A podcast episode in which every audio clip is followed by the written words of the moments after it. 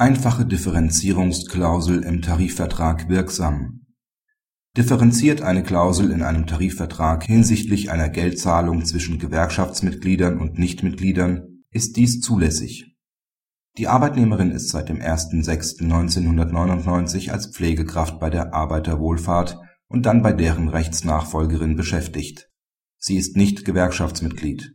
Im Arbeitsvertrag befindet sich folgende Regelung im Übrigen gelten die Bestimmungen des anzuwendenden Tarifvertrags in seiner jeweils gültigen Fassung. Wegen nachhaltiger wirtschaftlicher Probleme schließt Verdi am 11.09.2006 unter anderem einen Haustarifvertrag, der eine Ausgleichszahlung für Gehaltskürzungen vorsieht. § 3 des Haustarifvertrags sieht vor, als Ersatzleistung wegen des Verzichts auf die Sonderzahlungen gemäß § 19 des Haustarifvertrags der AWO-Gruppe erhalten die Verdi-Mitglieder der AWO-Gruppe in jedem Geschäftsjahr zum 31.07. eine Ausgleichszahlung in Höhe von 535 Euro brutto je Vollzeitkraft gemäß tariflicher Wochenarbeitszeit. Die Arbeitnehmerin hat im Jahr 2006 keine Sonderzahlung erhalten und klagt diese ein. Das Arbeitsgericht hat der Klage stattgegeben, das LAG und das BAG sie jedoch zurückgewiesen ein normativ aus dem Haustarifvertrag begründeter Anspruch besteht nicht, weil die Arbeitnehmerin kein Gewerkschaftsmitglied ist.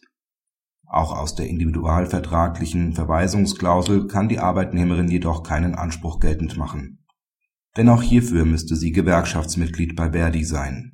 Aufgrund der Verweisungsklausel ist der Haustarifvertrag auf das Arbeitsverhältnis anwendbar. Denn bei der Verweisungsklausel handelt es sich um eine dynamische Verweisungsklausel die sämtliche Tarifverträge umfasst, an die der Arbeitgeber gemäß § 3 Absatz 1 und 4 Absatz 1 TVG gebunden ist.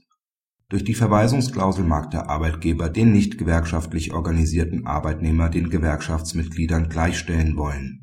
Die Klausel kann aber dennoch nicht eine Mitgliedschaft in der Gewerkschaft ersetzen. Folglich ist die Arbeitnehmerin nicht wegen der Verweisungsklausel den Gewerkschaftsmitgliedern gleichzusetzen ein solcher Anspruch steht ihr aber auch nicht deshalb zu, weil die Differenzierungsklausel im Tarifvertrag verfassungswidrig ist und gegen Artikel 3 Absatz 1 Grundgesetz verstößt. Denn so wie die Tarifparteien keine Abschluss Inhalts und Beendigungsnormen vereinbaren dürfen, die unmittelbar für nicht tarifgebundene Arbeitnehmer normativ gelten, dürfen sie solche Normen ausschließlich für ihre Mitglieder vereinbaren. Ein Außenseiter hat keinen Anspruch auf Gleichbehandlung mit einem Tarifgebundenen